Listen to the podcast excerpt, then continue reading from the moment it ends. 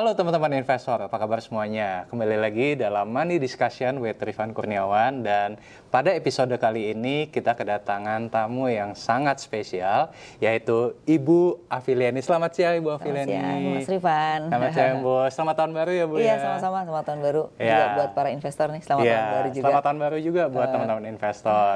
Nah, teman-teman pada siang hari ini ya eh, saya berkesempatan ya untuk podcast bersama dengan eh, Ibu Afiliani. Nah, hari ini kita bakal ngobrolin ya seputar eh, ekonomi global, ekonomi domestik ya mengenai market ke depannya akan seperti apa. Nah, sebelum kita mulai podcastnya, saya akan eh, memperkenalkan Bu Afiliani terlebih dahulu ya. Teman-teman juga pasti udah banyak yang tahu ya bahwa Bu Afiliani saat ini menjabat sebagai komisaris utama di PT Alobank Indonesia atau ticker code-nya adalah BBHI.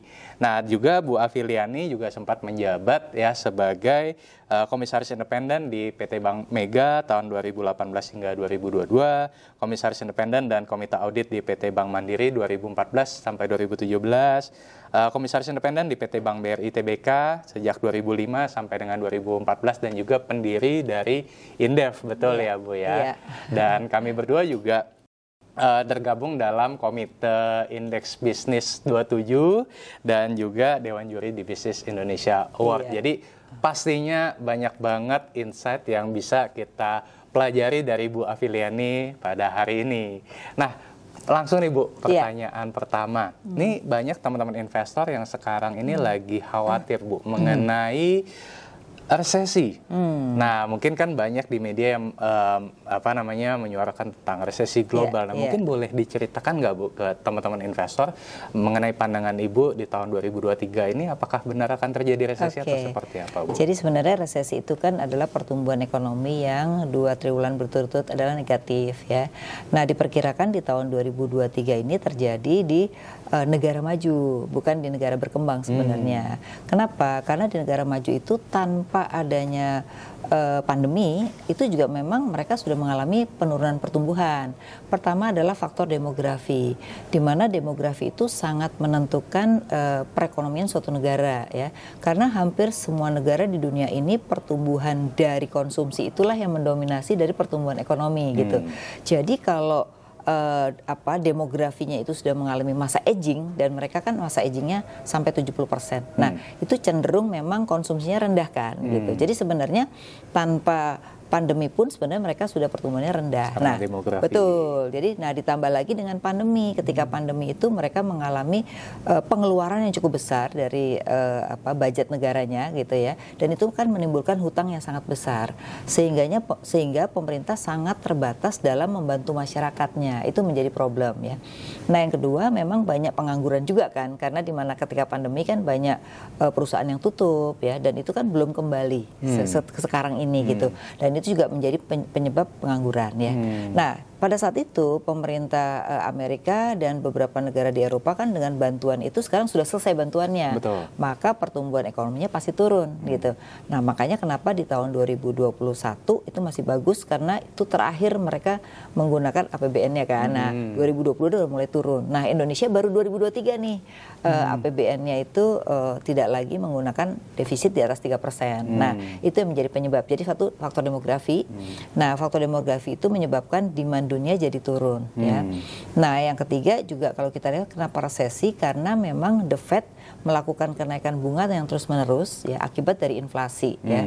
Ditambah lagi akibatnya karena perang Ah. di mana Rusia dengan Ukraine ini mempengaruhi pangan terutama adalah gandum ya dari Ukraine kemudian Rusia adalah eh, mereka supply terbesar eh, migas kepada Eropa. Nah, akibatnya karena perang mereka nggak bisa supply Nah, menyebabkan harga naik. Nah, ini juga menjadi salah satu penyebab kenapa resesi itu diperkirakan akan terjadi di 2023. Oke, berarti tadi eh, ada karena faktor demografi, Betul. kemudian juga ada Perang. faktor eh, perang ya Betul. sehingga eh, dan juga tadi ada faktor eh, kenaikan suku bunga seperti Benar. itu ya. Nah, ini kan kalau kita bicara soal kenaikan suku bunga, Bu. Hmm.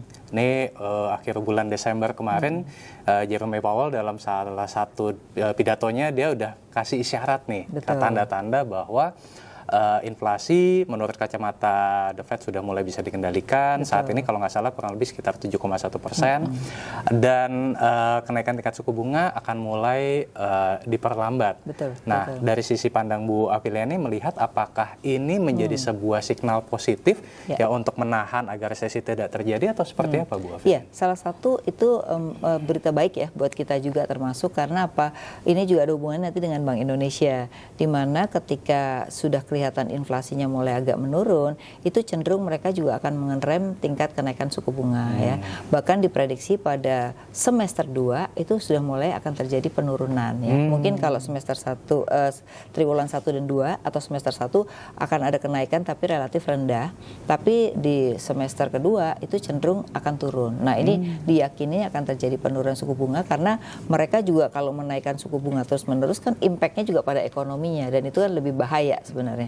Nah, jadi saya melihat atau dari pandangan saya di semester 2 itu sudah mulai akan terjadi uh, penurunan. penurunan. Okay. Demikian juga dengan harga-harga komoditas ya. Hmm. Kenapa? Karena kelihatannya sekarang berbagai negara mulai mencari uh, alternatif lain hmm. dalam uh, mensuplai migasnya, kemudian juga termasuk Indonesia mulai mandiri pangan nih kalau kita lihat. Jadi hmm. menarik kan kemarin sempat terjadi uh, deflasi ya, di mana ketika pemerintah memberikan insentif kepada daerah ketika dia mandiri pangan, mulailah setiap daerah mencoba untuk mandiri pangan dengan cara mengoptimalkan uh, di daerah masing-masing. Nah ini langkah bagus. Jadi artinya apa? Ketika ada tekanan masalah pangan, semua baru mulai bangun gitu lah. Hmm. Jadi saya melihat uh, inflasi juga mulai bisa ditekan di kita, mungkin di beberapa negara juga sudah bisa mencari alternatif lain untuk itu. Oke, okay. gitu. nah Bu Afiliani tadi kan hmm. Ibu sempat menyampaikan bahwa dengan uh, inflasi di US hmm. yang sudah mulai bisa dikendalikan, hmm. uh, ada kemungkinan bahwa The Fed akan mulai memperlambat kenaikan suku bunga dan kemungkinan semester 2 bisa jadi akan mulai diturunkan. Yeah, yeah. Tapi kalau kita lihat uh, di belahan uh, ekonomi yang lain, Bu, hmm, hmm. saya ambil contoh misalkan di euro. Hmm, hmm. Saat ini inflasi masih hmm. tinggi ya, betul. di sekitar 9,2 persen, hmm. kemudian juga UK masih di 10,7 persen. Berarti uh, kenaikan suku bunga yang terjadi sepanjang tahun 2022 kemarin belum bisa uh, menahan laju inflasi baik di uh, euro maupun betul. di UK. Nah, uh, menurut Bu Afiliane atau dalam uh, pandangan Bu Afiliane, apakah uh, hmm. Europe Central Bank atau ECB dan uh, hmm. Bank of England BOE yeah. Iya. uh, masih akan tetap agresif menaikkan tingkat suku bunga yeah. di 2023. Menurut saya memang mereka itu sebuah sebuah apa ya dilema ya kalau dia terus menaikkan terus juga akan ada problem terhadap hmm. ekonominya hmm. karena pada nilai bunga tertentu pastinya juga kredit macetnya akan naik hmm. dan itu akan problemnya terhadap mortgage kan gitu. hmm. gitu. Jadi pasti ada titik batas gitu. Nah, memang kalau buat Indonesia sendiri ketergantungan terhadap uh, Eropa tidak terlalu besar dibandingkan tergantungnya kepada Amerika kan hmm. gitu karena US dollar itu kan masih mendominasi 80% transaksi perdagangan kan. Jadi kita lebih melihat uh, lebih pada US-nya gitu. Okay. Nah, tetapi dari Eropa sendiri memang uh, belum bisa mengendalikan hal ini ya hmm. dan itu belum bisa melihat juga apa uh, apa alternatif yang mereka akan lakukan gitu. Tapi paling tidak kalau dia terus terus menerus meningkat ya, mereka juga akan lihat uh, negara tetangganya juga kan kalau dia naikin terus, ya. tetapi ya. ekonominya memburuk kan juga belum tentu bisa menyedot dana masyarakat gitu ya. Betul. Tetapi yang terjadi justru kredit macetnya yang tinggi. I nah see. ini yang berbahaya sebenarnya buat buat Eropa. I see. Gitu. Jadi hmm. uh, mungkin kalau misalkan bisa saya tangkap, mm-hmm. uh, eh, US ada kemungkinan mulai bisa mengendalikan inflasi Betul. dan mulai menurunkan tingkat suku bunga di semester 2. Akan tetapi mungkin euro dan juga uh, Eng- uh, England England mungkin masih belum ya masih akan menaikkan suku bunga. Mereka ya. masih akan uh, ke sana karena mereka dilematis ya. Jadi mereka sebuah pilihan yang sulit sih memang gitu. Oke. Okay. Nah, uh, hmm. tadi saya juga tertarik sama poin Bu Afiliani hmm. mengenai uh, apa kondisi geopolitik, Bu. Yeah, yeah. Ya di mana kita juga tahu Eh, baru-baru uh, ini hmm. uh, perang antara Rusia dan Ukraina juga masih memanas Betul. ya kan uh, ditambah lagi dengan China dan Taiwan, Taiwan juga ya, ya Bu ya. Nah, kalau dalam pandangan Bu Afilini sendiri hmm. uh, seberapa besar dampak dari uh, hmm. perang antara Rusia dan Ukraina yeah. yang masih memanas sampai 2023 ini dan juga China dan Taiwan yeah. terhadap uh, ekonomi seperti apa, ya, Bu? Saya melihatnya gini, karena mereka sendiri juga kita belum tahu sampai kapan ya. Ibaratnya hmm. kalau kita sebagai penonton nggak tahu, mereka aja sebagai pelaku nggak tahu kapan selesainya kan gitu ya. Nah, jadi kita harus mengasumsikan kalau ini masih akan terus berlangsung, okay. berarti uh, persoalan migas dan persoalan pangan, pangan dari mereka akan terganggu dong hmm. gitu. Nah, maka harus mulai mencari alternatif baru hmm. dengan kerjasama dengan negara lain gitu. Dan hmm. saya rasa sekarang Eropa juga sudah mulai cari kerjasama dengan yang lain kan. Makanya sekarang cenderung mereka ketergantungan sudah rendah. Hmm. Nah, salah satu yang saya lihat yang mereka lakukan adalah yang mereka itu sangat terkenal dengan uh, energi terbarukan, mulai kembali ke fosil. itu yang terjadi it, ya. Yeah. Makanya Indonesia diuntungkan. Yes. Kenapa batu baranya ekspornya jauh lebih tinggi dibandingkan biasanya? Betul. Karena kecenderungannya untuk menolak impor dari Indonesia itu rasanya sekarang mulai dilonggarkan lagi yeah. gitu. Nah, jadi beruntunglah buat kita untuk sementara waktu gitu ya. Nah, hmm. jadi menurut saya kalau yang uh, Ukraine Rusia sudah bisa diatasi untuk itu ya. Tapi yang bahaya ini nanti adalah Cina dengan Taiwan nah. karena ketergantungan Indonesia dan seluruh dunia terhadap China tuh tinggi, tinggi. baik ekspor maupun impor kan. Nah, yeah. kita berharap ini jangan sampai terjadi karena kalau ini terjadi bisa mengganggu perekonomian dunia sih hmm, gitu. Oke, okay. perang hmm. China dan Taiwan ini yeah. yang lebih mudah-mudahan yeah. tidak terjadi ya. Mudah mudah-mudahan. Uh, uh. Nah, uh, oke okay, tadi kan kita Bu Afilia ini sudah menjelaskan mengenai globalnya nih Bu. Nah, mungkin sekarang saya pengen lanjutkan lagi atau hubungkan Domestik, dengan ya? negara kita Indonesia hmm. ya. Kalau dari kacamata Bu Afilia hmm. atau bagaimana pandangan Bu Afilia hmm. terhadap uh, ketahanan makro kita terhadap hmm. uh, mengantisipasi kemungkinan yang terjadi uh, resesi global nanti. Oke, okay. jadi saya melihat gini, kita mungkin tidak akan masuk resesi, tapi lebih perlambatan pertumbuhan ekonomi ya. Jadi kalau sekarang pertumbuhannya bisa 5,5, mungkin sekitar 4,8 lah prediksinya. Hmm. Ya. Ada ada yang 4,8 dan 4,9 hmm. gitu. Kenapa? Karena sebenarnya demand domestik sendiri kalau kita lihat yang menarik di triwulan 2 dan 3 di 2022 itu kan sampai 5 karena konsumsinya yang meningkat signifikan. Betul. Bahkan hmm. sudah seperti kembali seperti 2019. Ya, nah, itu menunjukkan ya. bahwa sebenarnya masyarakat Indonesia itu uh, dari kacamata uh, demand itu ternyata sudah optimis dengan menurunnya COVID ini hmm. gitu. Nah makanya menurut saya pemerintah jangan sampai mengeluhkan resesi terus. Jadi hmm. di pandangan mereka yang sudah optimis dengan konsumsi bisa turun lagi hmm. gitu. Nah jadi saya percaya bahwa tingkat konsumsi masyarakat kelas menengah atas kita masih bagus ya. Nah itu yang perlu dipikirkan oleh pemerintah. Mungkin perlu dikasih insentif ya. Seperti kemarin kan kalau beli mobil sama beli properti itu dikasih. Uh, saya rasa itu penting. Kenapa? Karena mereka mendominasi 45% dari total pengeluaran hmm. uh, uh, apa konsumsi ya. ya. Sedangkan kelas menengah kan 35% dari hmm. konsumsi. Nah, itu biasanya separuhnya ke bawah, separuhnya ke atas. Hmm. Jadi 60% dari total konsumsi itu yang masih bagus, yang tidak terlalu kena dampak inflasi hmm. gitu. Nah, yang perlu dipikirkan adalah 17% yaitu kelas bawah yang 40%. Hmm. Di mana biasanya ini dibantu oleh pemerintah melalui BLT dan lain-lain. Hmm. Nah, kalau bisa jangan terlambat sehingga mereka tidak kena dampak terhadap hal tersebut. Oke, gitu. ya hmm. jadi ada tetap perlu ada bantuan hmm, dari pemerintah betul. juga ya. Untuk nah, kelas bawah ya. Iya untuk kelas bawah. Nah tadi saya juga tertarik sama hmm. uh, statement Bu Afiliani ya mengenai kalau misalkan dengar kata resesi gitu ya Bu ya mungkin uh, buat masyarakat yang hmm. awam tuh udah takut iya, duluan yeah, yeah. gitu bu ya kan yang sebenarnya mungkin momok apa itu momok ya apa itu kan tidak tidak seburuk uh. itu tapi uh, karena terus di ini kan oleh media jadinya takut sendiri betul, gitu nah betul. kalau Bu Afil ini ngelihat kalau di sektor real gitu bu hmm, hmm itu hmm. seperti apa sih sekarang Iya sebenarnya kalau kita lihat ya hampir semua sektor real kita yaitu per sektor ya jadi hmm. ada pertanian ada hmm. manufaktur itu tumbuh positif loh hmm. yang tumbuh negatif itu justru apa uh, anggaran pemerintah jadi pemerintah itu justru uh, apa belanjanya yang eh, nggak uh, tepat gitu hmm. karena banyak kan sekarang dana dana lebih juga kan. Hmm. Nah itu hmm. karena apa? Karena pemerintah itu kan nggak mudah memindah-mindahkan anggaran. Jadi hmm. ketika mau mindahin anggaran butuh persetujuan ketika belum maka itu jadi negatif gitu loh. Hmm. Jadi pengeluaran jadi negatif. Nah, okay. padahal kan ketika masa pandemi ketidak mulai ke seperti sekarang kan harus di anggaran harus dipindahkan dong hmm. dari anggaran untuk booster ke tempat yang lain. Nah, itu nggak mudah. Hmm. Makanya negatif. Tapi semua sektor itu justru tumbuh positif. positif. Jadi okay. sebenarnya masyarakat nggak perlu takut ya karena dengan tumbuh positif itu artinya apa? Artinya permintaan dari masyarakat kita tuh sudah mulai kembali normal. Okay. Itu bisa terlihat dari PDB kita. Okay. Jadi sudah mencapai 55 eh, persen dari PDB itu kontribusi dari konsumsi. Hmm. Kemudian 30% dari PTB, PTB itu adalah uh, investasi hmm. ya kan. Hmm. Nah, sisanya memang kita nggak nggak tergantung pada ekspor impor kan yeah. gitu. Nah, jadi artinya kalau ini dua ini udah bagus tuh artinya ekonomi sudah tumbuh baik. Nah, jadi memang pemerintah perlu menyampaikan komunikasinya yang lebih baik agar orang tidak takut dengan resesi. jadi resesi itu adalah pertumbuhan yang negatif selama triwulan eh, dua triwulan berturut-turut. Nah, Indonesia tuh masih tumbuh positif gitu. Okay. Walaupun terjadi perlambatan, gitu. Oke. Okay. Nah, itu jadi teman-teman jangan hmm. parno berlebihan ya, jangan overreacting ya Bu ya, jangan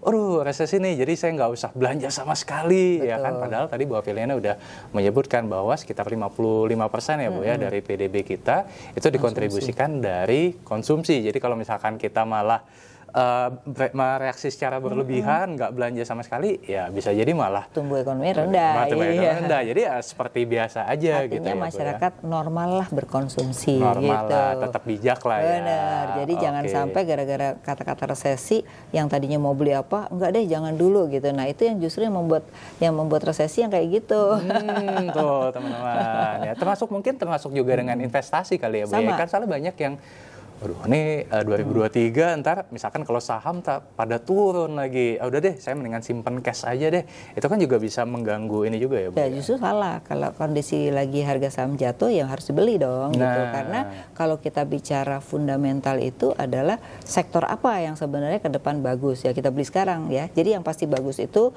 ke depan adalah pasti yang sekarang tuh yang udah lagi tren tren baru dan itu akan menjadi kebutuhan manusia itu adalah sebenarnya kesehatan. Hmm. Jadi kalau dulu orang tuh kesehatan kesehatan tuh kan cuma orang sakit. Kalau hmm. sekarang ini orang tuh kesehatan tuh ada dua modelnya. Yang satu jadi buat tren ya sakit gigi tuh ke dokter gigi nggak karena sakit gigi tapi pengen giginya putih bagusnya. Jadi lebih kayak kosmetik gitu. Ah, Itu akan cenderung memberikan uh, ini yang bagus dan sekarang hampir semua rumah sakit mulai membuat dua-duanya untuk orang sakit dan untuk orang menjaga kesehatan okay. gitu. Nah itu jadi tren ya. Okay. Kemudian berbasis pangan. Hmm. Sekarang juga kalau kita lihat banyak para konglomerat tidak hanya ekspansi di sektor uh, teknologi saja sekarang mulai ke hidroponik misalnya hmm. karena sekarang sudah kelas menengah kita sudah mulai berubah gaya hidupnya hmm. lebih lebih sehat hmm. gitu ya hmm. jadi ke sana jadi pangan itu juga nggak ada matinya okay. ya terus kemudian sektor apa lagi sektor pendidikan sekarang ini orang tuh lebih cenderung pendidikan itu jadi bagus gitu semua hmm. kelas menengah kita tuh memperhatikan pendidikan gitu jadi sebenarnya hampir semua sektor tuh hal yang bagus ke depannya gitu okay, jadi kita tetap optimis lah iya. ya Oke, nah Bu Afil ini saya juga uh, tadi ada penasaran nih Bu. Jadi mm -hmm. kan kalau misalkan the Fed uh, mungkin mm. akan memperlambat tingkat kenaikan suku bunga yeah, yeah. dan kemungkinan akan uh, mulai menurunkan di semester yeah. 2. Nah, tapi kan kalau kita bicara sekarang ini uh, spread antara the Fed iya. dengan yeah. BI yeah. itu kan Cukup kalau nggak salah ya, ya hanya mm. sekitar satu persenan ya Bu mm -hmm. ya. Nah, Uh, kalau menurut Bu Afiliani hmm. sendiri atau dalam pandangan Bu Afiliani, apakah nanti di 2023 Bank Indonesia juga akan mulai memperlambat yeah laju kenaikan suku bunganya atau malah tetap agresif yeah. atau seperti apa? Kalau saya melihat gini, sekarang kan ada kebijakan baru tentang DHE kan, hmm. devisa hasil ekspor. ekspor. Hmm. Jadi mungkin kecenderungannya bagaimana meningkatkan cadangan devisa kita adalah mungkin akan digenjot dari devisa hasil ekspor. Oh, okay. Jadi artinya ketergantungan terhadap investor asing kan mulai agak di ini kan gitu ya, tidak tidak dipaksakan Betul. gitu sehingga itu bisa mengerem tingkat suku bunga hmm. gitu. Di satu sisi kan kita juga pengen pertumbuhan ekonomi kita tinggi gitu sehingga ini juga harus uh, apa menjaga tingkat suku bunga agar tidak terjadi NPL yang tinggi dan justru permintaan kredit akan naik gitu. Oke, hmm. berarti uh, kemungkinan Bank Indonesia hmm. juga akan mulai menahan, menahan ya, iya. ya mengerem laju kenaikan suku bunga ya. Betul. ya. Oke. Dan pada saatnya baru akan turun. Oke. Iya. Ketika nanti mungkin the Fed mulai yes. ada tanda-tanda turunan, uh, Bank baru. Indonesia juga mulai turunin lagi gitu Betul. ya Bu ya. Nah, kalau kita bicara soal suku bunga kan juga nggak hmm. terlepas dari nilai tukar rupiah ya Bu yeah, ya. Yeah. Kemarin kan ya karena naik suku bunga rupiah hmm. juga sekarang per kita podcast di 15 Masih ribu, 15 ribuan ya. 600 ya kalau nggak iya, salah iya, ya. Iya. Nah, kalau dalam pandangan Bu Afil ini sendiri yeah. ketika misalkan nanti uh, Bank Indonesia menahan laju kenaikan hmm. suku bunga apakah ini juga akan membuat nilai tukar rupiah yeah. jadi menguat atau memang, malah sebaliknya? Memang ini dilema antara suku bunga dengan nilai tukar ya, Benar. selalu berbanding terbalik ya. Betul. ya. jadi kalau suku bunga turun atau di luar negeri jauh lebih bagus, orang pada pindah gitu kan. Yeah. Nah, jadi saya melihat gini, memang pemerintah mencoba DHE ini menjadi salah satu uh, apa uh, kompensasi daripada itu hmm. gitu.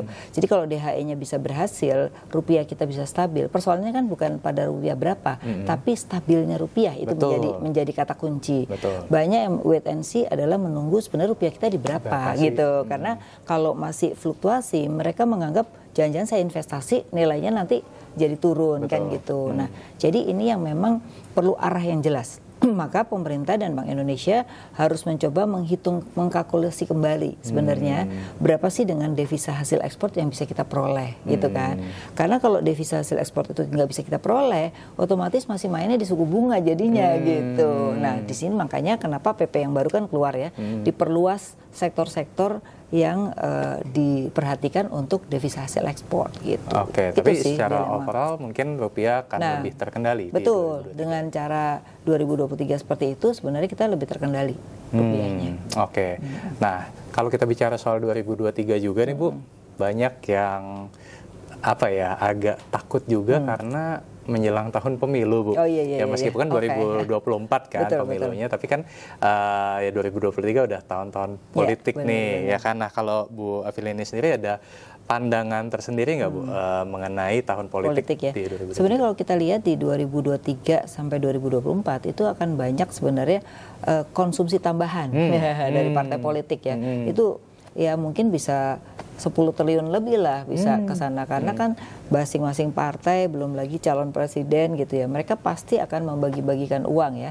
Entah itu ilegal atau legal gitu. Tapi paling nggak dari pemilu ke pemilu itu akan terjadi. Sehingga sini sebenarnya tingkat konsumsinya akan meningkat ya. Tapi bagaimana dengan stabilitas? Menurut saya sih stabilitas politik tidak akan uh, parah ya. Karena kalau melihat dari partai-partai ini kan si, uh, ribut di dalam tapi setelah keluar juga mereka kadang-kadang akhirnya ini juga gitu menyatu juga menyatu gitu kan. Juga. Ya, jadi saya melihatnya tidak akan terjadi uh, apa ketidakamanan yang terjadi. Dan yang kedua saya melihat masyarakat kita juga nggak nggak gampang terpicu sekarang ini ya. hmm. ya. Mereka tuh lebih cenderung yang penting jangan ganggu saya ya udah gitu. nah ini bagus itu ya. artinya bahwa pemilu ya pemilu tapi uh, mereka tidak uh, diajak untuk uh, melakukan sesuatu yang membuat gejolak di dalam negara ini karena itu kan merugikan mereka juga Betul. gitu jadi buat masyarakat juga atau para investor sebaiknya ya kita menjalankan profesi kita masing-masing gitu ya. Hmm. Nah kalau ada masalah di partai politik biarlah supaya juga kalau ada apa-apa yang rugi kita sendiri sebenarnya itu sih. Oke okay, hmm. oke. Okay. Nah jadi Tadi kita udah bicara soal suku bunga, hmm. kita udah bicara soal inflasi, kemudian tadi kita juga udah bicara soal rupiah dan uh, tahun politik. Nah, mungkin saya ingin tanya juga mengenai hmm. ini Bu. Kan tadi Bu Afil ini sempat uh, menyampaikan bahwa uh, inflasi yang terjadi sebenarnya kan menguntungkan buat kita Indonesia ya kan karena misalkan batu bara belum hmm. pernah terjadi sepanjang sejarah oh, iya. harga harga naik ya. ke 400 dolar hmm, ya benar, kan benar, karena benar. tadi peralihan dari uh, eh, EBT ke energi fosil hmm, ya kan hmm. tapi kalau menurut Bu Afiliani sendiri, hmm. uh, apakah di 2023 nanti hmm. uh, harga komoditas akan tetap tinggi okay. atau justru sebaliknya akan terjadi koreksi? Yeah. Ya, kalau dari sudut okay. pandang. Jadi kalau kita lihat kan dengan adanya resesi ada demand terjadi penurunan ya. Hmm. Tapi karena tadi beralih ke fosil ya, hmm. kita justru diuntungkan Betul. dengan ekspor ya. Terus yang kedua juga tidak hanya diuntungkan dengan ekspor saja, tapi juga sekarang banyak negara yang mulai me, apa membatasi ekspor kan. Betul. Nah itu sebenarnya kita bisa masuk, termasuk hmm. pangan. Hmm. Nah masalahnya kita belum siap dengan itu ya. Hmm. Nah tapi di, di, di semester 2 sebenarnya agak ada penurunan, tapi penurunnya tidak akan sampai membuat pengusaha itu di bawah daripada uh, ongkos lah gitu hmm. ya. Jadi ada akan ada penurunan, tapi penurunannya nggak akan uh, sampai um, pada level di mana pengusaha itu menjadi kesulitan, menjadi betul, rugi gitu betul. Ya, tapi akan akan terjadi penurunan. Oke, okay. hmm. berarti kalau misalkan kita ambil hmm. kalau tahun 2019 2020 hmm. misalkan batu bara kan sempat terendahnya itu 50 dolar, Ya, Bu. itu sih nggak sampai segitu nggak, ya. Nggak nyampe 50 Karena sekarang ya. kan demand masih tinggi di mana hmm. semua negara-negara kan membatasi ekspor kan yeah. dari sisi pangan maupun migas. Nah, uh. itu sebenarnya yang menguntungkan kita. Okay. Karena kita bisa meningkatkan sebenarnya ekspor kita Oke. Okay. Gitu. Tapi mungkin nggak setinggi 400 dolar juga sampai ya, Bu segitu. ya. Dia in the middle ya. Pada level ya, the middle. Oke, nah kemudian kalau bicara soal uh, misalkan kayak sawit hmm, Bu, hmm. nah, kalau dari sudut pandang Bu Afilia ini sawit akan iya. tetap yeah. atau minyak misalkan Iya, iya, sawit iya. dan minyak akan tetap stabil atau Ya, gimana? kalau melihat dari sisi tadi ya yang sudah pindah eh, ke energi terbarukan tetap sekarang kembali ke fosil, artinya bahwa sawit masih akan tetap bagus. Oke. Tapi menurut saya ke depan tetap mereka ini harus mempertimbangkan peralihan kepada terbarukan ya, baik Ya. itu energi maupun juga berkaitan dengan isu ESG ya kan, karena isu ESG ini akan berkembang lagi setelah kondisi mulai stabil dan itu kan diperkirakan 2024. Ya, gitu. oke. Nah, tadi uh, kita udah bahas tentang uh, harga komoditas Hmm. kan. Kalau harga komoditas tinggi, ini juga membuat uh, neraca perdagangan Iya, kita, bu, iya. Bagus. surplus. Betul, betul. Tiga 30 bulan ya kalau nggak salah, Benar, 30 bulan berturut-turut surplus belum pernah terjadi sebelumnya. benar. Nah, tapi kalau misalkan uh, ada turun. Hmm. penurunan harga komoditas segala macam, uh, kalau dari sudut pandang Bu Afiliani Hmm. ngelihat apakah di 2023 nanti uh, Indonesia masih, Masih bisa ya. mempertahankan Iya. uh, neraca perdagangan yang surplus Iya. atau malah defisit? Menurut saya memang gini problemnya eh, ketika ekonomi kita membaik cenderung kan impor kita tinggi. Mm-mm. Jadi kadang-kadang ekspor kita yang mulai naik tergerus juga dengan impor kita. Hmm. Jadi karena kan kita 70% dari manufaktur kita masih tergantung impor kan. Mm-mm. Jadi ekonomi bagus tuh ada kecenderungannya dengan peningkatan impor. Itu yang jadi masalah. Makanya selalu di Indonesia ini neracanya kalau lagi krisis rese- selalu surplus. Betul. Tapi kalau ekonomi membaik selalu jadi defisit gitu loh. betul. Nah, jadi mungkin memang kita punya PR, pemerintah punya PR untuk memperbaiki struktur daripada industri kita Hmm. supaya kita memang punya eh, sustainability daripada eh, ekspor ya atau mengurangi import kan gitu ya. Hmm, Jadi pilihannya kan meningkatkan ekspor atau mengurangi import gitu. Jadi ini problemnya. Nah, 2023 Hmm. karena ekonomi kita sudah mulai membaik, nah cenderung itu akan berkurang karena import kita juga akan meningkat I gitu. see. itu. Oke, dapat gambarannya, Iya. Bu. Nah, eh, ini kan eh, di channel YouTube Rifan Kurniawan kan memang banyak teman-teman investor nih, Bu. Iya, ya. iya. Nah, mungkin ada pandangan nggak dari Bu Afi di 2023 kira-kira eh, nggak perlu spesifik ke Iya, sahamnya, iya. Bu, tapi mungkin lebih ke sektor Iya, aja. iya. Kira-kira apa sih yang bakal dirugikan atau apa yang bakal diuntungkan di Iya, tengah iya. ya gejolak ekonomi yang terjadi sekarang ini, Iya. Bu? Jadi kalau kita bicara saham itu kan bicara long term investment, nggak bicara short term ya, nggak bicara cuman capital gain gitu Iya. ya. Nah, jadi sebenarnya yang harus kita lihat adalah Indonesia ini sampai 2035 tuh punya namanya bonus demografi. Hmm. Nah, berarti kalau kita bicara bonus demografi, berarti kita harus lihat mana sih sektor-sektor yang berbasis eh, konsumtif masyarakat gitu ya. Hmm. Nah, jadi saya tadi bilang pertanian itu berbasis pangan ya. Jadi artinya pangan, makanan, minuman kan juga banyak tuh perusahaan-perusahaan makanan minuman tuh masih akan tetap bagus ya. Kemudian sekarang yang baru lagi adalah pariwisata dan turunannya karena Hmm. ternyata eh, kalau kita lihat pariwisata itu jadi kebutuhan pokok saat ini. Hmm. Sehingga yang berbasis eh, pariwisata dan turunan itu juga bisa menjadi eh, apa? hal yang bagus dan sustain ya. Terus yang ketiga tadi kesehatan. Kesehatan. Kesehatan itu kan banyak perusahaan-perusahaan farmasi ya itu perlu di, ditengok lah Ya. gitu ya. Terus kemudian memang properti masih agak sedikit flat tapi ke depannya akan bagus lagi karena Hmm. orang masih melihat apa Indonesia tempat berinvestasi. Jadi Hmm. ketika kondisi eh, sudah mulai membaik pasti negara-negara lain akan investasi di Indonesia gitu. Hmm. Di negara lain sekarang tuh sudah tidak butuh investasi lagi kan sehingga kalau orang investasi di sana ya nilainya sangat rendah gitu. Sehingga kita masih menjanjikan negara kita tuh masih menjanjikan Oke. untuk potensi itu. Jadi lihatlah demand, demand ya, demand Bu, di ya. Indonesia tuh masih luar biasa dari 270 juta paling tidak kelas menengah kita itu sudah sebagian besar hampir 30% dari total penduduk kan. Nah, Oke, nah kalau misalkan sektor yang mungkin agak-agak riskan Oke. mungkin atau di- Jadi memang eh, sektor berbasis komoditi ini yang harus kita lihat karena itu kan selalu kalau harga lagi bagus harga sahamnya lagi tinggi Iya. kan ya gitu ya.